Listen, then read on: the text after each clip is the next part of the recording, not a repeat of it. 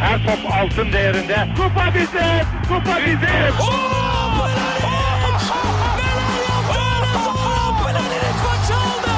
Dengeli de attı. İsabeti de buldu. Matta Fontervi. Zora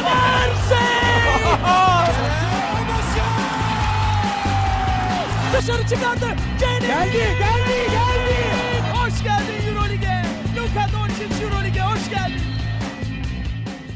İkili Oyun'un 78. bölümüne hoş geldiniz. Ben Serkan Mutlu. Mikrofonun diğer ucunda basketbol dünyamızın... Hmm. Tıkandı. Tıkandı. Kusursuz isimleri. Kusursuz. Ali Aktin ve Tancan Fümen var. Selamlar beyler ne haber? Selamlar. İyi. Selam.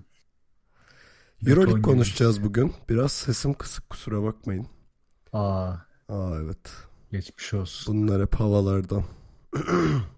Abi senin memleketin havası ama çok dengesiz ya. Yapacak bir şey yok. Benim memleketin havasından girersek çıkamayız.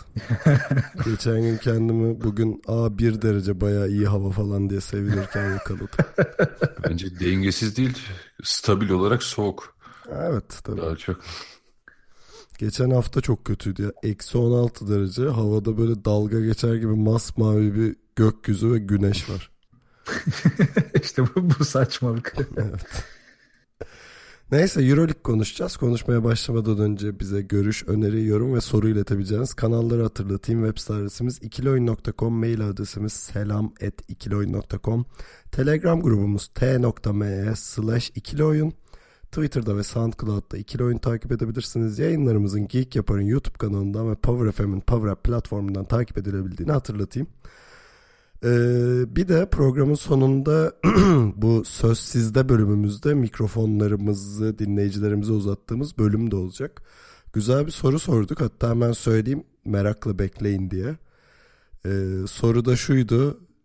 Euroleague yönetim kurulu toplan, toplandı ve garip bir karar alıp seni yöne, şey CEO yaptı. İlk icraatın ne olur? Ne ters gidiyor Euroleague'de ve ilk icraatında neyi düzeltirsin diye sorduk. Programın sonunda güzel yanıtlar var. Onlara gireceğiz. Ee, ama öncelikle Fenerbahçe'yi ve ondan sonra da kuyruk acımız olan Efes'i konuşacağız. ee, ya kuyruk acımız derken depresyon sebebimiz diyelim o daha doğru olur. Ee, ama Fenerbahçe'yle başlayalım. İlk maçları onlar yapmıştı. Fenerbahçe önce Maccabi'yi ağırladı. Sonra Kızıl Yıldız deplasmanına gitti.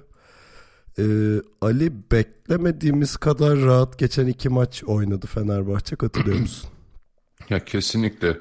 Ee, hatta şeyden sonra bu CSK galibiyetinden sonra hani acaba belki psikolojik olarak bir düşüş olur mu, bir sekteye uğrar mı Fenerbahçe diye düşünüyordum. Ee, ama hiç alakası bile yok. Yani ezdi geçti iki maçta da Fenerbahçe. Yani iki maçı topladığında 8 periyodun 7'sini falan çok ezici bir şekilde neredeyse bitirdi Fenerbahçe iki takıma da karşı. Ee, yani Kızıl Yıldız'a karşı zaten e, çok üstün geleceğini düşünüyordum. Ama belki Maccabi gibi takımlar Fenerbahçe'ye ters gelebildiği için bazen özellikle işte yani Pierre Jackson'la ben etkili olabilirler mi diye düşünürken hiç hani yanından bile geçemediler. E, Fenerbahçe'nin hani zaten iyi oyununun yanı sıra artık bireysel olarak da performanslar en üst düzeye çıktığı için e, yani gerçekten şu an durdurulamaz bir güç gibi oynuyorlar. Ya gerçi mesela e, Obradovic işte Maccabi maçında şeyi kazanmaya çalıştı. E, Dixon'ı kazanmaya çalıştı. O da böyle 6'da 0'la bitirdi maçı. Ya Dixon'ın işte 4'ü 3'lük olmak üzere 6, 6'da 0 attığı maçta Fenerbahçe üçlük olarak %52 yakalayabiliyorsa bu zaten bayağı etkileyici bir rakam gerçekten. Ee, yani ip, ipleri eline aldığı zaman o savunmada Fenerbahçe vitesi yükselttiği zaman e, gerçekten rakipleri hiç bunlara karşılık veremedi. Kesinlikle o e, kilidi açamadılar. İşte Melli giriyor savunma inanılmaz. Veseli zaten bence e, kariyerinin en iyi sezonunu oynuyor açık ara. E, işte bunun üzerine Datome'nin çok aşırı formda olması ki o şeyde miydi? CSK maçındaydı yine sanırım. Hani yine kaşı başı yardı ya. Ee, Evet, orada yer, o- yaptı abi devamlı. E, maçın sonunda girmek istedi. Obradovic almadı. O da ısrar etti. Hocam al hocam al maç sonunu oynayayım falan diye. Yani Datome de o, zaten sezona iyi başlamıştı. Artık onun da biraz üzerine çıktı e, diyebiliriz bu son dönemde. E, Kalin için dönüşü bir işte hala şeyin tam oturmamışlığı var gibi Fenerbahçe'de tek soru işareti olarak Vanamaker'ı söyleyebiliriz ki o da yani nasıl diyeyim stabil performanslar verdi. E, Jason Thompson'dan artık ne alacağımız e, belli oldu. E, onun haricinde Fenerbahçe'nin ikinciliği de garantilendi diyemeyelim ama bir sürpriz olması artık ikinci bitirebilir diyebiliriz. Tancan bu e, Makabi maçında bir farklı bir beşle başladı işte Thompson, Melli, Guduric, e, Kalinic ve Dixon beşiyle. E, pek meyvesini vermedi ama inat etti. Şeyde de Kızıl Yıldız deplasmanında da e, sadece Veseli hani değişikliği hariç gene benzer bir beşle başladı. Bu sefer Dixon delirdi yani. Hani ilk maç e, Gudur içinse ikinci maç Dixon'ındı. E, yani Fenerbahçe'nin işte Guduric ve Dixon da dahil ve Kalinic de işte sakatlıktan döndü artık bir hani ilk beş oyuncusu haline geldi falan ya. Hani bu evet. bayağı şey şampiyonluk vitesine e, geçiş işareti midir? Ya yani şampiyonluk vitesi derken hani bir üst vitese diyelim hani o Final Four'da falan ne olacağı belli olmaz ama hani bir, bir vites attı Fener ben bunu görüyorum o kesinlikle diye düşünüyorum. Yok vitesi attı aynen ya. Yani bunun işaretini özellikle Makabi maçında verdi bence Fenerbahçe. Obradoviç şunu yapmış. Yani CSK maçındaki hani hep ben de söyledim ya maçları kazanırken de kaybederken de Fener'in bazı sabit hataları vardı. Bunları da çözemiyordu bir türlü. Yani işte Kalinic gelince bir kısmı çözüldü. İşte Guduric form tutmaya başladı. Biraz daha çözüldü bunlar. Şimdi ufaktan Dixon da girmeye başladı. Biraz daha çözüldü. İşte bu çözülmelerde vitesi arttırdı dediğin gibi. CSK maçında özellikle dış bölgedeki savunma çok mutlu etmemiş Obradovic'i belli ki. Oraya çok yüklendi. Yani Dixon'la başlaması evet hem Dixon'ı kazanması için önemli hem de Dixon'ın orada bir alternatif olması için de önemliydi. Ama Dixon mesela Makabi maçında geçiş hücumlarına inanılmaz zorlandı savunmada. Zaten hani hücum performansı kötüydü ama savunmada bir varlık gösterememesi ondan hızlı vazgeçmesine neden oldu. Çünkü Makabi maçının farklı bir stresi vardı Fenerbahçe için. Bu da ilk maçın yarattığı stres. Yani Makabi çok hızlı oynuyor. Çok hızlı oynayan takımlarda Fenerbahçe için üstünlük yaratmaya müsait takımlar. Şimdi burada da ne önemliydi? Turnover'ı yani top kaybını düşük tutmak, hücum reboundlarını zorlamak. İşte burada Mel, Melli ve Thompson hamlesi anlaşılabilir duruyor. Üstüne Guduric ve Kalinic'in olması daha uzun bir beş olması da yine bu hamleleri anlaşılır kırıyor. Ve yine sabırlı hücumlar Fenerbahçe'nin öncelikli tercihiydi. Bunların hepsini Makabe'ye karşı uyguladılar. Ve e, işte bu dışarıdaki savunma dedim ya dışarıdaki savunmaya savunmayı iyi yapmak için Fenerbahçe'nin devamlı uyanık ve diri kalması lazımdı. Bu da işte bu rotasyonla sağlanacak. İşte bu diğer oyuncuların devreye girmesi, form tutması işte burada çok kritik. Fenerbahçe bunu çözmeye başladığı için de vitesi arttırdı. %100 katılıyorum dediğine. Ee, bir de Datome'nin e, Maccabi performansı gerçekten hani Final Four'da yani işte playoff'ta ve Final Four'da da bunu gösterecekse rakiplerin işi var yani hani Alex Tyes'ı blokluyor sonra gidip bir de el üstü üçlük falan atıyor yani o o seviye çok başka bir seviye böyle iki sene öncesinin Datome'sinin seviyesi yani. Evet, Datome ya Datome'ye bir hırs gelmiş o iyi olmuş. Yani hep diyorduk ya böyle işte ya işte sevgisinden vardı ne oldu niye mutsuz bu adam falan. Belli ki yine mutlu bir döneminden geçiyor ve çok hırslı o çok güzel. Yani savunma zaaflarını da kapatıyor bu hırsı. Yani yine hatalar yapıyor yapmıyor değil ama mesela yaptığı bir blok vardı efsane bir bloktu. Yani en azından pozisyonun içinde kalabiliyor ve ihtiyaç olduğunda o savunma direncini gösterebiliyor. Dediğin gibi hücuma çıktığında daha sahayı görerek oynuyor. Yani nerede pozisyon alması gerektiğini savunmaya göre belirleyebiliyor. Ve tam sağ baskıya başladığında Fenerbahçe Datome'nin işte burada çalınacak toplarda hemen hücumu bitirebilmesi de önemli. Yani çok doğru pozisyonlar alıp doğru yerlere koşuyor. Aynısını Anıl için de söylemiştik. O da Fenerbahçe için çok değerli. Ee, Orada de... biraz şeydi yani bu Datome ile bir de Nunnal'nin artık bu seneki performansı da Fenerbahçe o köşelerden öyle bir tehdit oluşturuyor ki Yani üçlüyü kapasan ikisi de topu bir kere yere vurduğu anda e, orta mesafeden e, inanılmaz ölümcül olmaya başladılar. Yani Nanıl de e, ya bu zaten Datome'nin imza şeylerinden biri ama Nanıl de aynısını yapmaya başladı. O da Fenerbahçe'nin e, şeyine hücumuna çok fazla katkıda bulunuyor.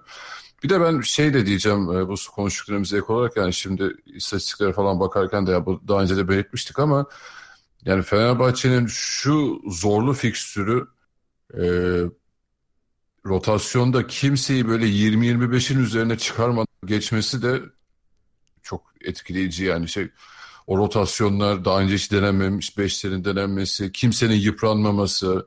Ya burada bir tabii mutlaka şey de çok göz önüne alındırıyor. Yani tamam herkes sağlıklı, performanslar üst düzey çıktı. Hani e, kimseyi de böyle işte 35 dakika zorlamaya gerek yok. Sakatlık vesaire riskini hiç göze almıyor. Yani şimdiden e, işte playoff ve Final Four hesapları yapılmaya başladı bence. 35'i geçtim. Kızıl Yıldız maçı en çok oynayan 25 dakika oynadı. Ee, işte o 20, 15 falan diye gidiyordum. Tabii tabii herkese bütün oynadı. süreleri dağıttı ama yani o maçta gerçekten antrenman maçı gibi. Yani izlemesi de çok zevksiz bir maçtı. Yani Fener gerçekten sürklase etti yani. Kızıl Yıldız o taraftar grubunun da Allah belasını versin gerçekten Kızıl Yıldız. Ee, Makabe maçına bir şey ekleyip Kızıl Yıldız'a bağlayayım o zaman. Hani ufaktan Aa. girdin sen. Ee, işte Ali'nin bahsettiği kısa süreler işte o fazla rotasyon aslında bu savunma istikrarını korumak için. Yani CSK maçında en büyük hatayı orada yaptığı için Fenerbahçe oraya çok yükleniyor artık Obradovic. Ve çember, çember savunması da geçen seneye göre zayıfladığı için Fenerbahçe'de işte bu dış alandaki savunma pas açılarını kapama işte birebir de yenilmeme artık e, çok kritik oldu ve Makabi maçında bunu uygulamaya çalıştı. Kızıldız maçında da bunu prova etti. Yani o açıdan Kızıldız maçı güzel oldu. Yani ikinci yarının tamamı prova gibiydi Fenerbahçe için. İşte oturduk Dixon izledik. Bak Dixon da daha istekliydi o maçta zaten. Belli ki o da bir e, paparayı yemiş. Abi, yani yani kendi hırs yapmıştır o zaten Makabi maçında öyle kötü olunca dur şimdi görün siz gerçek Dixon'ı diye bir zaten hırs yapmıştır bir yani. Instagram postu attı ya işte tam hatırlamıyorum ne yazdın da öyle bir şey yazdı yani geri döneceğim bir şeyler işte yazmış. yok şutlar atmadan yok kaçmadan atılmıyor Aha. atmaya aynen. devam et falan gibi bir şey attı. Sonra aynen, aynen. Öyle bir şeydi. 53'lük attı sonraki maçta. Mesela bu Kızıldız maçında da işte e, yine uzun bir beşte başladı Fenerbahçe. İşte burada da Kızıldız'ın dengesinin kolay bozulabileceğini tahmin etmiş Obradoviç bunun için sürekli mismatch yaratabilecek ve savunmada da hani dışarıda yine baskı yaratmayı prova edebilecek bir beş çıkarmış. E çok fazla mismatch'i bulunca zaten Fenerbahçe çok rahat açtı farkı. Ama bak Kızıldız'a karşı bile Fenerbahçe'nin hala çözemediği bir şey var. Çok fazla backdoor katıyor. Buradan çok fazla sayı veriyor. Yani Kızıldız bile sayı buldu. Yani Final Four döneminde bunlara izin vermeye devam ederse Fenerbahçe en büyük sorunu buradan yaşayacak. Ya bu arada Makabi maçını kapattık ama Nanıl'ın o şey smacını evet ya, da ya şimdi aklıma geldi. Yani o Obradovic'in şeyini hatırlıyorum. Dükkanı kapatalım o zaman falan diye bir pozu vardı yani. Obradovic'in herhalde en heyecanlandığı andı ya. Ellerini kaldırıp. Çok iyiydi ya. Ya inanılmaz bir smaçtı canım. Aklım gitti. Yani ka- şey Kızıl Yıldız maçında da hani o bütün o yaratılan mismatchlerde bir e, Kalinic etkisi olduğunu söylemek doğru olur herhalde. Yani o boyalı alanda sırtı dönük aldığı anda e, o mismatchleri çok iyi yakalamaya başlıyor Fener ya da işte ya işte kat yapan oyuncuyu görüyor ya da boş üçlük e, şansı doğuyor Fener'e ki hani şey aslında tabii şey Bobby Dixon'a boş üçlüye de gerek olmayan bir gündeydi yani. Bobby çok iyiydi ya. İşte Bobby'nin şimdi bunu başlattı istikrar koruması lazım. Mesela Guduric orada iyi bir işaret verdi. Yani Makabi maçın çok iyi oynadı. Kızıldız maçında da iyiydi. Şimdi bunu artık bu formu koruyup istikrarı sağlaması lazım. Ee, zaten bu istikrarı sağlatmak için de Obradovic'in şöyle bir hamlesi de oluyor. Mesela oyunu tutan oyuncuyu ya o anda sürükleyen oyuncuyu Fenerbahçe'de tutup etrafında üçlü ya da dörtlü blok değişimler yapıyor. Yani oyuncu değişimini üç, genelde üçlü bazen dörtlü çok az olsa da bu değişikleri yapıp takımı onun çevresine yönlendirirken diğer oyuncuları da ona bağlamaya çalışıyor. Bu da güzel bir hamle. Yani işte burada şunlar ortaya çıkmaya başlıyor. İşte sadece toplu oyuncu çembere bakmamaya başlıyor. İşte off-ball screen üzerinden gelecek e, forvetleri iyi görmeye başlıyor. Tepeden farklı uzunla aynı oyunları oynayabilmeye başlıyor. Bu biraz da hani yine Dixon'a yapılan bir hamleydi ama bundan faydalanan diğer oyuncular da oldu. Yani Guduric gibi, Atoma gibi. Bu arada Guduric'in iki maçta %80 üçlükle oynadığını biliyor muydun? Çılgınlık. Guduric'e bir şey olmuş ya belli. yani o kendine güveni çok net geldi. Bu da Fener için çok iyi bir şey tabii. Hani büyük maçları nasıl oynayacağı hala soru işareti bence. Hani e, CSK maçında bunu gördük. Bir böyle e, el, kaldıramadı o maçı. Evet yani ellerimde çiçekler kapında sırılsıklam diye bekliyordu CSK'yı. E, ama Kızıl Yıldız ve Makabi maçlarında özellikle tabii şey Makabi maçında inanılmaz attı. Herhalde e, şey maçın oyuncusu da Guduric'ti değil mi? Yanlış hatırlamıyorum. Sanırım öyleydi evet. Ya Guduric'in işte top top elindeyken ki stresiyle topsuz stresi aynı değil. Şimdi biraz onu yenmesi lazım. Zaten ona uğraşıyor Obradoviç'te. E, o yüzden de biraz topu da eline verdi Kızıldız maçında. O açıdan da iyiydi. Ama işte Gudur için zaten hani e, birden fazla özelliği var ama işte bu özelliklerini hangi seviyeye çıkarabileceğini işte yıllar içinde göreceğimizi düşünüyorduk ama e, şut özelliğini öncelikli olarak göstermeye başlaması Fenerbahçe için daha önemli. Yani toplu oynaması çok da şart değil. Ya, genel olarak değerlendirince aslında Guduric'i bu sezon başından itibaren benim beklentimi karşıladı hatta biraz üstüne çıktı bile diyebilirim ya. Hani Obradovic'e ilk senesi olarak bakarsak hiç fena değil. Evet, kesinlikle canım. Peki var mı ekleyeceğiniz Fenerbahçe'ye? Fenerbahçe bir istatistik vereceğim abi kapatırken. Ver. Ee, hücum sabrı diyoruz ya hep. Ee, Fenerbahçe bu sezon Euroleague'de en az pozisyon yaratan ve harcayan takım ama verimlilik ve yüzdelerde de ilk üçte yani iki sayı ve üç sayı yüzdelerinde hatta birinde birinciydi şu an hatırlayamadım. Verimlilik puanında da yine ilk üçte. Bu da herhalde e, birçok takım için elindeki malzemeyle nasıl hücum etmesi gerektiğini anlatan çok iyi bir tablo. Yani ben İki de... maçta da %50'nin üstünde üçlükle oynadı. Hani bir de ilk maç hı hı. E, Bobby Dixon 4'te 0 atmışken bunu tutturdu. Hani Ali'nin dediği gibi. Aynen. Ama hani Cici 3'te 3, Guduric 6'da 5 atmış yani. Çok çok acayip bir şey bu. Oran bu.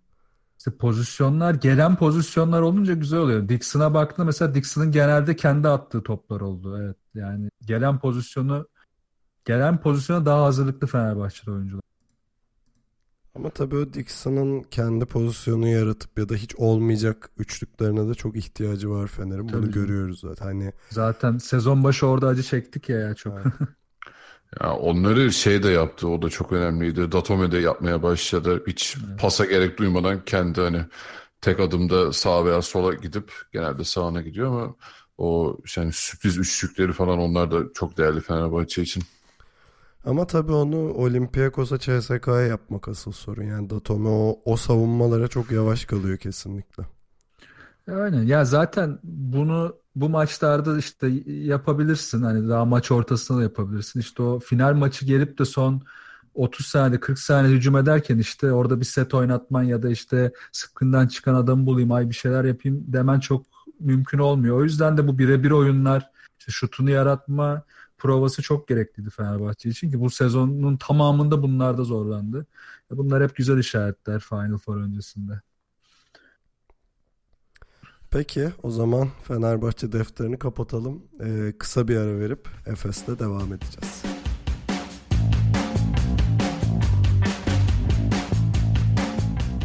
Efes'le devam ediyoruz. Efes öncelikle Kimki'yi ağırladı İstanbul'da. Sonra Yunanistan deplasmanında Olympiakos karşısına çıktı.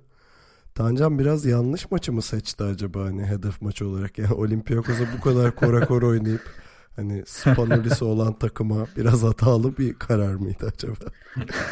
Bence zaten bu kararı alabilecek kapasitede oyuncular olmadığı için sahada kafalarına göre takıldılar yani. Ya imki maçı cidden ilginç de Olympiakos maçı ondan da ilginç oldu. Yani ben ikisini canlı izlemedim. Sonradan oturup izledim. Hiç böyle bir maç beklemiyordum yani. Hatta Himki maçını bile o kadar beklemiyordum. Aslında 4,5-5 dakika kalana kadar maç kafa kafayaydı. Ama Ee, tabii hatta- ilk, ilk çeyreği 11 sayı önde tamamlayıp maçı 12 sayı geride tamamladı Efes. Bu da başka bir şey yani. Aynen o işin üzücü tarafı. Zaten bak son 4.30'un skoru 2, e, 13-2. Yani 13-2 ve 2 sayıda faalden. Yani berbat bir son 4 dakika 30 saniye oynadı Anadolu Efes. Yani ilk istatistiğe baktığımda Doğuş'un 30 dakika sahada kaldığı bir maçı zaten kazan kazanacaklar diye düşünmüştüm. Yani şimdi Doğuş'u evet Şivet'i savunmak için başlatmış Ergin Ataman. Ya, mantıksız değil. Elindeki baktığında en iyi olmasa da karşısında durabilecek en atletik savunmacın. Ama işte savunma bir oyuncunun karşısında durmak değil ki sadece. Yani Şivet'in sağ görüşü yüksek olduğu için, doğuştan da uzun olduğu için zaten başta çok hızlı başladı burada. Ha sonradan hani 9'da 2 attı galiba ama zaten kaçırdı şutlar da bu arada boş şutlar yine bir kısmı.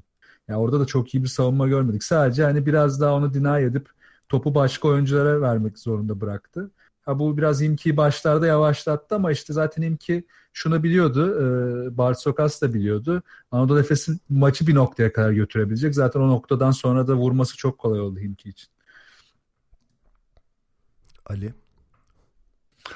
Vallahi yani evet e, son artık bir aydır mı dünyada Efes konuşan tek podcast biziz. Bu, bu da bilerek budur reklamını yapalım. Kimse dinlemedi. Birazdan saçma istatistikler verip uzatacağım konuyu. Ay, süper. E, Zaten son haftalarda Efes'in bir şey huyu başladı. Maça iyi başlıyor. İlk çeyrek iyi oynuyor. ikinci çeyrek biraz dengede götürüyor. Sonra maçı kop, e, maçtan kopuyor gidiyor gibi bir durum vardı. Kim ki maçında da çok farklı bir şey olmadı. Evet yine maça iyi başladı Efes. Sonra ikinci yarı yine felaket. Yani şey zaten Efes'in çok e, yumuşak karnı olmaya başladı ikili oyunlar. Kesinlikle savunamıyorlar. Yani Dunstan'a yine her hafta olduğu gibi bu hafta da acıdım. Yani Dunstan yardıma gittiği anda Efes'e savunma bitiyor. O an bitiyor yani. E gitmezse ne olacak?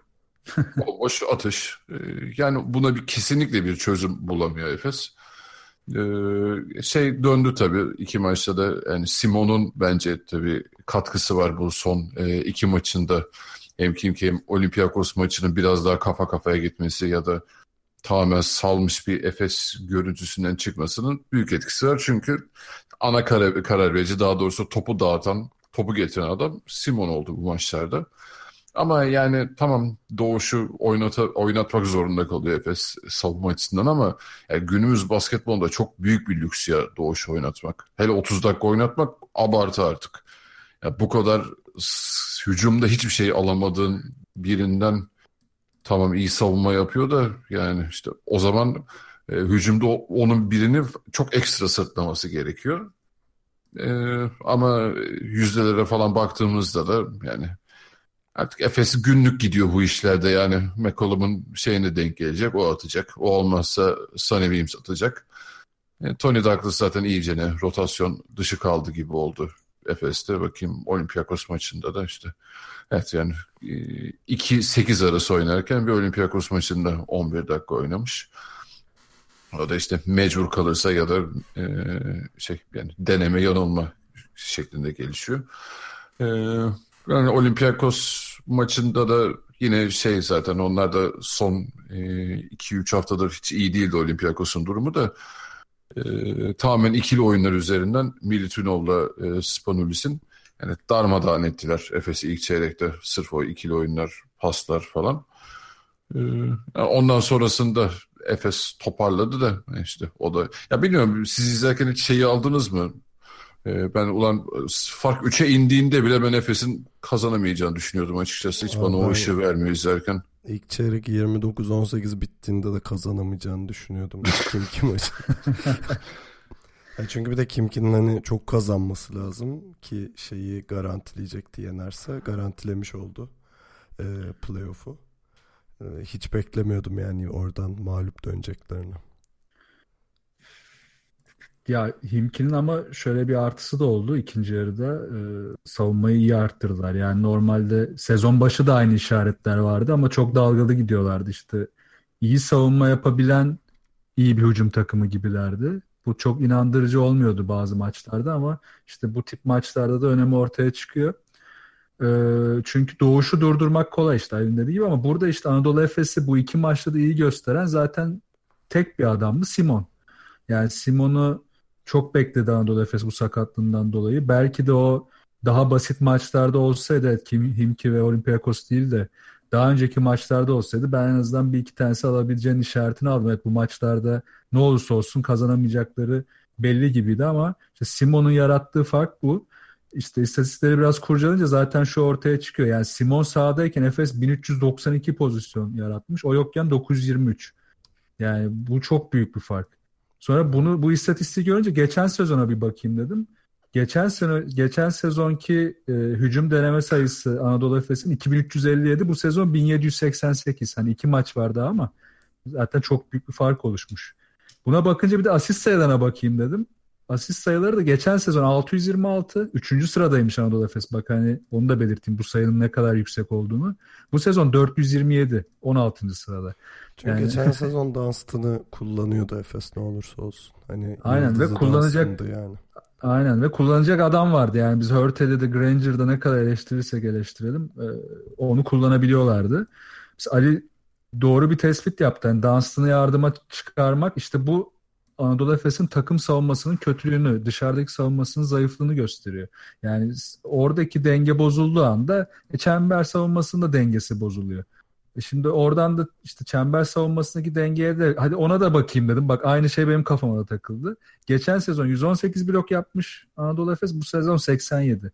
Ya bu da çok büyük bir fark. Yani bu işte bu farklar hepsi Anadolu Efes'in zaten devamlı söylediğimiz o takım eksikliğini, takımdaki mühendisliğin eksikliğini her türlü gösteriyor.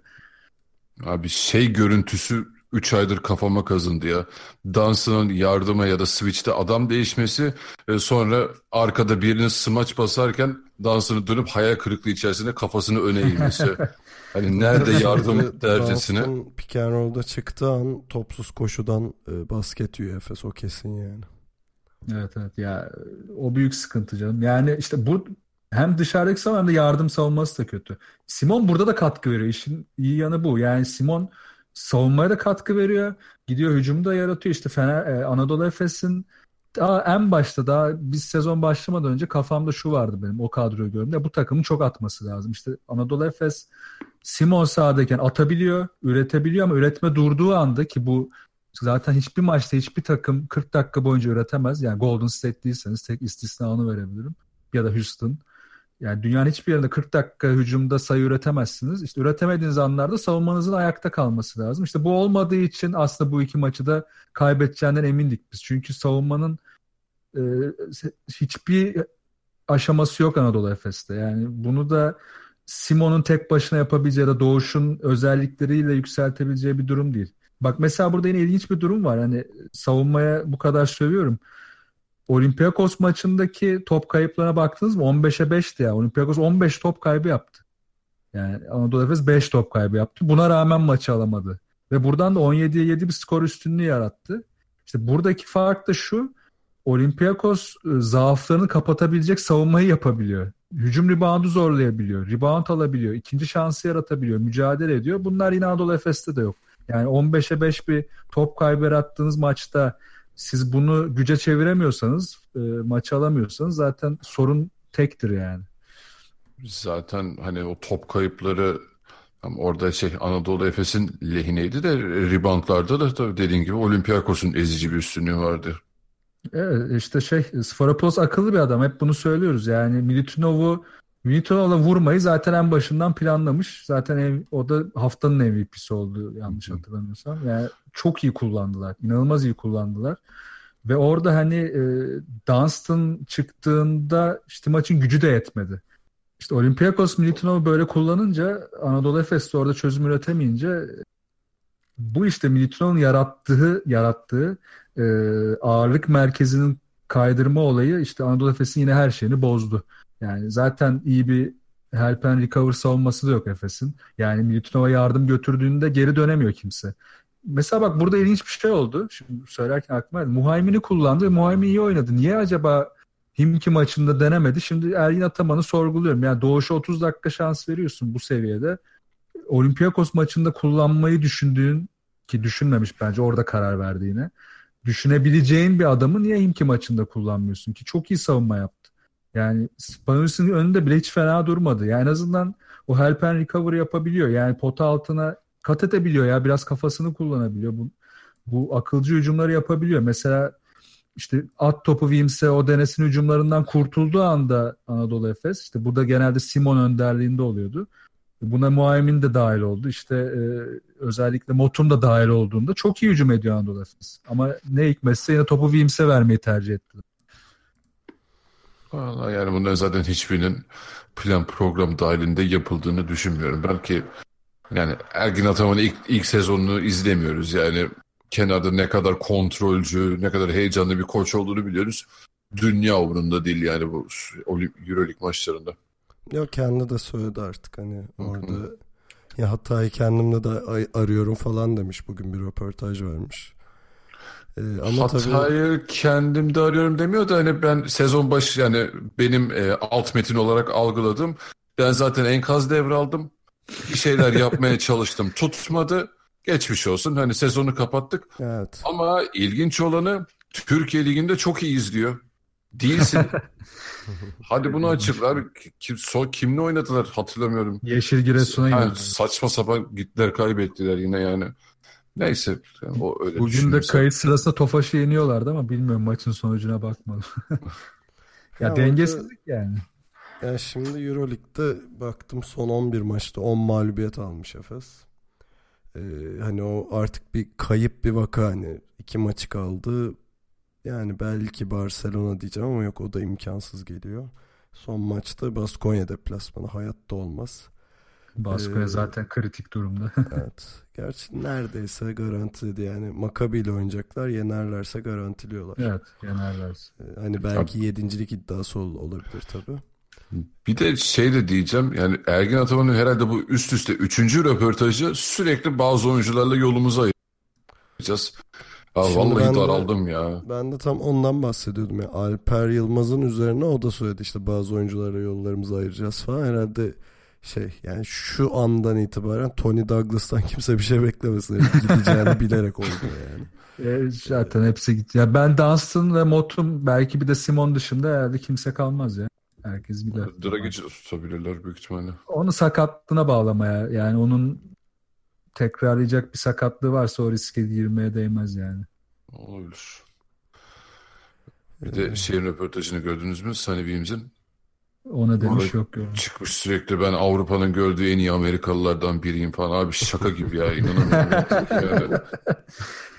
En iyi Amerikalardan biri çember dövdü. Yani bak harbi bak çok iddialı konuşuyorum. Olympiakos maçında Sunny Williams oynamasaydı Efes'in kazanma şansı %20 artardı.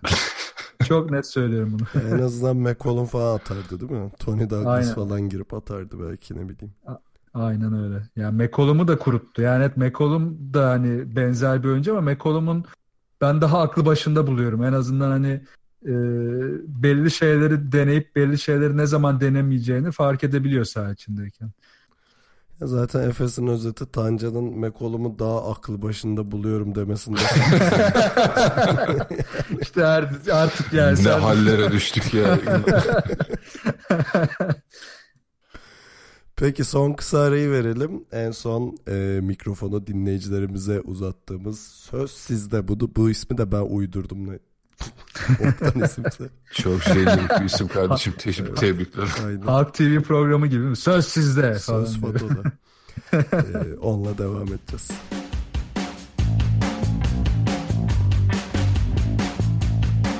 Özellikle yaz dönemi programlarında yani geçtiğimiz yaz bu Eurolig'in işte ne diyelim işte ülke federasyonlarıyla olan sıkıntılarını falan konuşuyorduk ya da EuroLeague NBA'yi yakalayabilir mi falan gibisinden fantastik programlarımız vardı. Ee, her zaman da hani bir EuroLeague yönetimi neler yapabilir, neler yapmalı falan gibisinden e, düşüncelerimiz oluyordu. Bu sefer bu soruyu dinleyicilere sorduk. Hani sorduğumuz soru da şuydu. EuroLeague Yönetim Kurulu sürpriz bir toplantı yaptı ve nasıl olduğu belli olmayacak bir şekilde sen Euroleague CEO'su oldun. İlk icraatın ne olurdu diye sorduk dinleyicilere.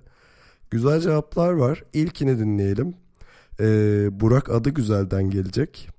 Ee, hani biraz tahmin ettiğimiz bir cevap ama burada da olmazsa olmaz bir cevap diye düşünüyorum. Burak e, playoff sisteminin değişmesi gerektiğinden bahsedecek. Euroleague'de beğenmediğim tek bir şey var. O da son playoff serisinin tek maçlar üzerinden oynanması. Eğer Euroleague CEO'su olsam yapacağım ilk icraat bu playoff sistemini değiştirmek olur. Tabii ki 4 maç üzerinden olması biraz uzun sürebilir, serileri uzatabilir ama ben bunu 3 maç, finalde 3 maç, final öncesindeki turlarda ikişer maç şeklinde yaparak bunu değiştirirdim diye düşünüyorum. Evet Burak'ın sözleri böyleydi. Bu konuştuğumuz bir konuydu aslında. Ben hala hani bunun arkasındayım yani Final Four özellikle Final Four sisteminin çok acımasız olduğunu e, inatla düşünmeye devam ediyorum. Var mı yorumunuz? Bence de değişmedi yani. Ya hatta hani 4 maç demiştir 4 maç olmaz hani 5 ya da 3 olur. Hani ben 5 maçı bile destekliyorum. Yani artık bu işi büyütüp buradaki pastayı da arttırmak istiyorsak artık ligin tepesine kalan 4 takımı daha fazla izlemek herkesi daha çok çekecektir. Yani burayı 5 maça çıkarmak bile mantıklı olabilir bir seviyede. Ya ben de açıkçası öyle bir NBA'deki gibi bir sistemi daha çok tercih ederim playofflarda. Ben de Final Four'u o anlamda çok sevmiyorum ama e, bu diğer taraftan da bir sürpriz elementinin e, hani bir tat katmadığını söylemek yalan olur. E, yani hiç belki şey e, Final Four'da favori olmayan bir takım ki bunun örneklerini tarihte çok gördük. E, öyle bir takımın çıkıp hani sürpriz bir şampiyonluk yaşama şansı e, çok da hani itici gelmiyor bana. Tabii hani tuttuğunuz takım hani Fenerbahçe'yi, CSK'yı falan destekliyorsanız tabii ki de şey Final Four sistemi daha e, ters geliyor. Ama diyorsun Ama... ki Jalgiris şampiyon olacaksa bunun kalması ya. lazım diyorsun. yani bilmiyorum ya bu da renk katıyor, tat katıyor. Neden olmaz? Yani biraz şey evet, karar vermesi zor bir konu ama. Ben şimdi ben de ikna oldum ya Ali. İki dakikada beni de ikna çünkü diğer türlü e, hani bu sene mesela Jalgiris çok iyi diyorsun falan. Yani CSK ya da e, Fenerbahçe bir playoff serisi sonunda eleyebilecek kadar da güçlü değil. Ama işte Final Four sisteminde tek maçta yani iki maç, üç maç kazandın mı zaten şampiyon olabiliyorsun. Üst üste denk getirirsen. Üç maçta değil pardon iki maçta kazandın mı şampiyon olabiliyorsun. Hani bu da bir, dediğim gibi bir renktir. E, tarihte de örnekleri olmuştur Euroleague'de bunun. O yüzden bilmiyorum biraz şey çekimser kaldım ben. Ya sadece şöyle genel olarak şöyle bir tatsızlık oluyor. Buna katılıyorum. Ama yani o Final Four hafta sonu var ya işte hafta sonu oluyor herhalde. Ya o da şak diye gelip geçiyor yani. Hani evet. izleyici olarak onun heyecanını da yaşayamıyorsun. Bir de öyle bir sorun da var yani. İşte oğlum CEO'sun deyince ben CEO gibi baktım olaya. Yani bence daha çok maç, tepedeki takımları daha çok izletmek daha karlı. Daha çok para. Tancan yine güçlünün yanında. sermayenin paranın yanında. Tancan gene Bitcoin'e 0.30'dan girdiğini kanıtlarcasına yorumlar. Öyle. Karımızı güce çevirmeliyiz. Peki ikinci sözü Arda Tümer'e verelim. Arda da organizasyonlar arasındaki bağlardan bahsedecek bize. Eurolig'in CEO'su olsaydım önümdeki en başarılı örnek organizasyon olan NBA'den neleri entegre edebileceğimi ıı, düşünmekle başlardım işe. Tabii düşündüğüm zaman aslında e, çok da kolay değil işim. Çünkü e, kolej ligi yani sürekli e, alttan gelen yetenekli oyuncu sayısı oldukça az. Avrupa'da birinci ilgi odağı olan spor futbol, basketbol değil. Dolayısıyla PR'da da sorun var. Yapılabilecek tek şey organizasyonlar arasındaki uçurumları minimuma indirmek. Bir de CEO olsaydım La Monica'ya bugüne kadarki hizmetlerinden dolayı teşekkür eder yol verirdim. Şimdi Arda'nın yorumunda şöyle bir şey var. Çok iyi başlıyor tamam mı? İşte kolej diyor, alttan gelecek falan diyor. Sonra ya bu iş olmaz deyip vazgeçiyor gibi bir nokta. kendi kendi düşüncelerini hızlıca çürütüp konuyu La Monica'ya getirip gündemi değiştirmiş. Ama şimdi La Monica konusunda da çok haklı yani o da ayrı. Evet ya artık emekliliğini versinler de biz de rahatlayalım. Abi iki sezon önce vermişlerdi ne güzel veda ettik herife Sanki İşte şey adam- hakem kalmamış gibi geri çağırdılar adamı. Bu arada hakem de yok gibi bir şey. Hakemler de zayıf anasını satayım. Dışı La Monica'ya kalıyorlar. dönüp. Ya dediklerine değinirsek biraz tabii şey fikri ki ben onu anladım hani yanlış anladıysam düzeltin. NBA ve EuroLeague arasında bir şey bir sistem oluşturulmalıya getiriyor sanırım onu ya da işte Yok diyor ki hani en büyük rakibi en, ya ben, ben öyle anladım. Hani en büyük şey olan NBA'ye bakarım. Oradaki sisteme benzer bir şey kurmaya çalışırım gibi bir Ha. şey diyor. İşte Yok, orada öyle, patlıyor olmaz. biraz. Yani orada Yani şöyle patlıyor. Aslında şöyle bir gerçekliği var bunun. Hani bugün ben EuroLeague CEO'su olsam ilk iş e, şeyle FIBA ile oturup sorunları çözmeye çalışırım yani. Hani O başka. hani, evet. Ya istediği sistemi yapmak için zaten ülke bazında yapabilir yani. Türkiye içindese okey ama Euroleague Oradan bazında zor. patlıyor zaten. Yani en büyük zaten fark orada. O Euroleague dedim mi kaç tane ülke giriyor. Bir de Avrupa basketbol diye değerlendirince bir sürü ülke giriyor işin içine. Amerika'da bu tek bir e, sistemde olduğu için çok daha kolay ilerliyor. ama İşte sonuçta ben- yani FIBA ile olan yani FIBA ile aranda buz olunca da ülk yani şey kıta basketbolu bir yere gitmiyor. Bu da kesin. Aynen. Aynen. Abi ama çok- yarın CEO olsa yani Euroleague CEO'su olsan da ben FIBA ile kolay kolay anlaşabileceğini ne kadar ılımlı bir insan olursan ol karşında da imkansız bir insan grubu var yani. Abi yarın zaten içimizden birini CEO yaparlarsa ne yapıyorsunuz lan? Çok saçma yani. Beyler burada bir hata var deyip istifa ederim. Mi böyle? E hani basketi kurtaracaktık ya oğlum bırak ben yapamam falan deyip gidiyor.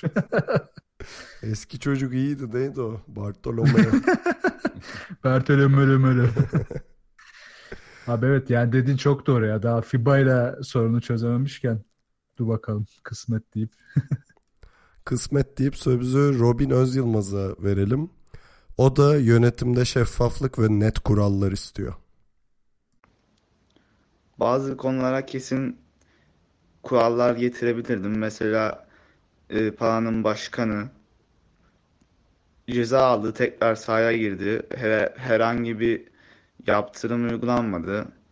Giannapakolos'a iyi bir ceza verebilirdim. Mesela NBA'de böyle bir olay yaşandığında araştırıp hmm, nasıl desem yani daha önceki şeylerden veya kuralları bulabiliyorsunuz ama Euroleague'de hiç böyle bir şey söz konusu değil.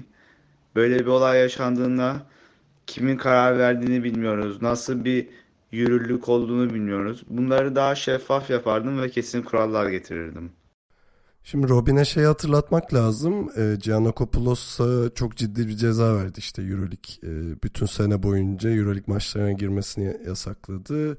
Ona rağmen giriyor ve üstüne para cezası veriliyor. Yani orada cezasız kaldı söylemi yanlış. Ama şu konuda da katılıyorum. Gerçekten bu iş şeffaf bir şekilde yönetilmiyor. Bu da kesin.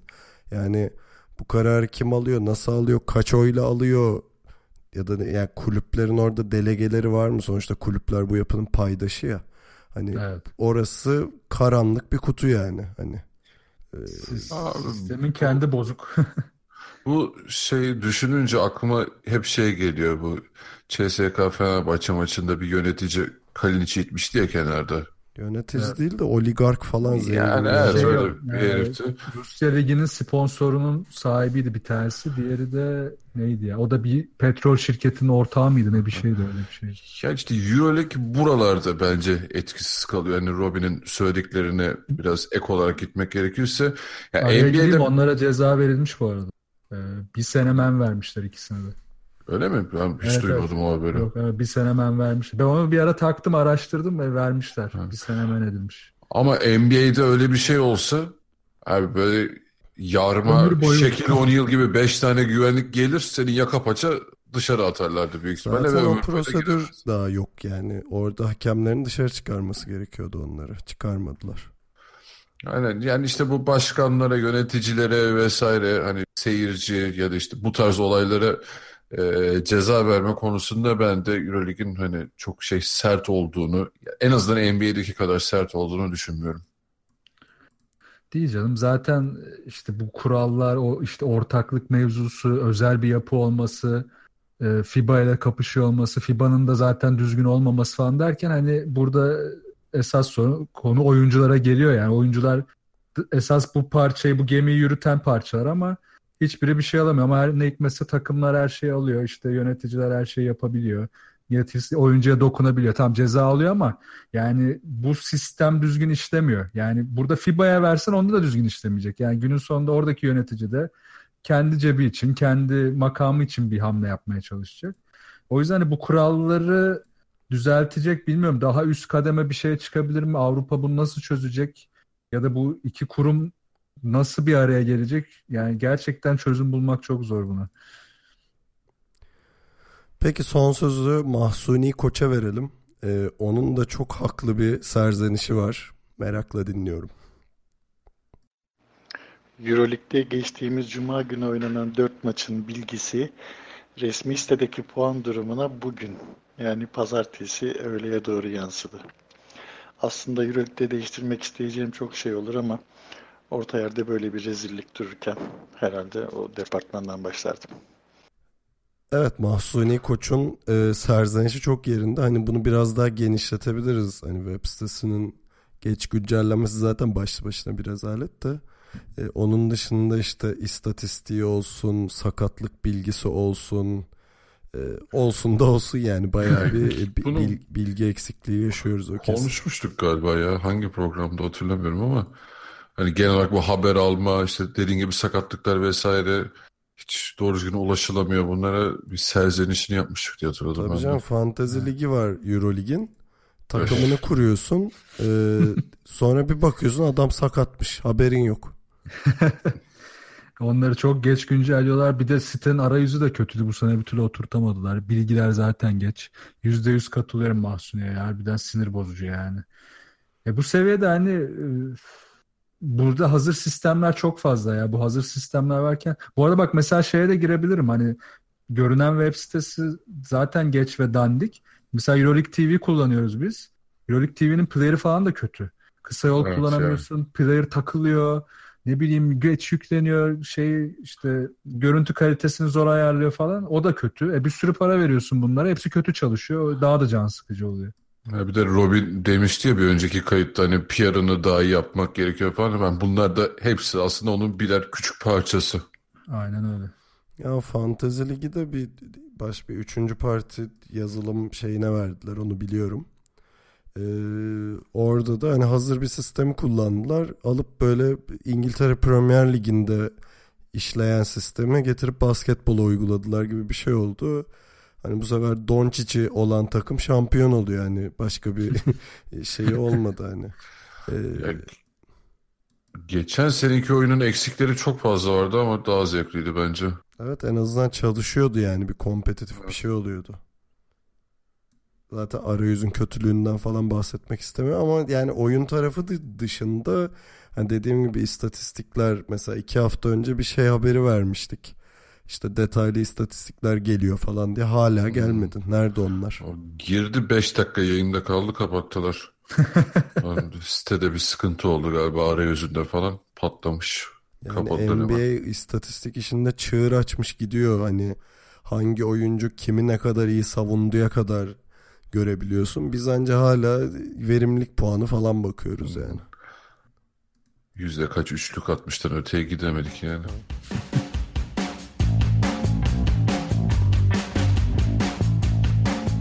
İkili oyunu dinlediğiniz için çok teşekkür ederiz. Bir haber vereceğim. Bu hafta NBA'ye bir ufak bir ara veriyoruz. Ortalık biraz süt liman. Hani playoff öncesi çok bir hareketlilik de yok. Her, herkesin sakat olması dışında. Ee, o yüzden bu haftalık biraz konuları biriktireceğiz ama önümüzdeki hafta devam edeceğiz. Bize görüş, öneri, yorum ve soru iletebileceğiniz kanallarımızı hatırlatayım. Web site adresimiz ikilioyun.com, mail adresimiz selam.ikilioyun.com. Telegram grubumuz t.me slash ikilioyun. Twitter'da ve Soundcloud'da ikilioyun takip etmeyi unutmayın. Yayınlarımız Geek Yapar'ın YouTube kanalından ve Power FM'in Power App platformundan takip edilebiliyor. Bunu da unutmayın. Önümüzdeki hafta görüşmek üzere. Kendinize iyi bakın ve hoşçakalın. Hoşçakalın. Görüşürüz.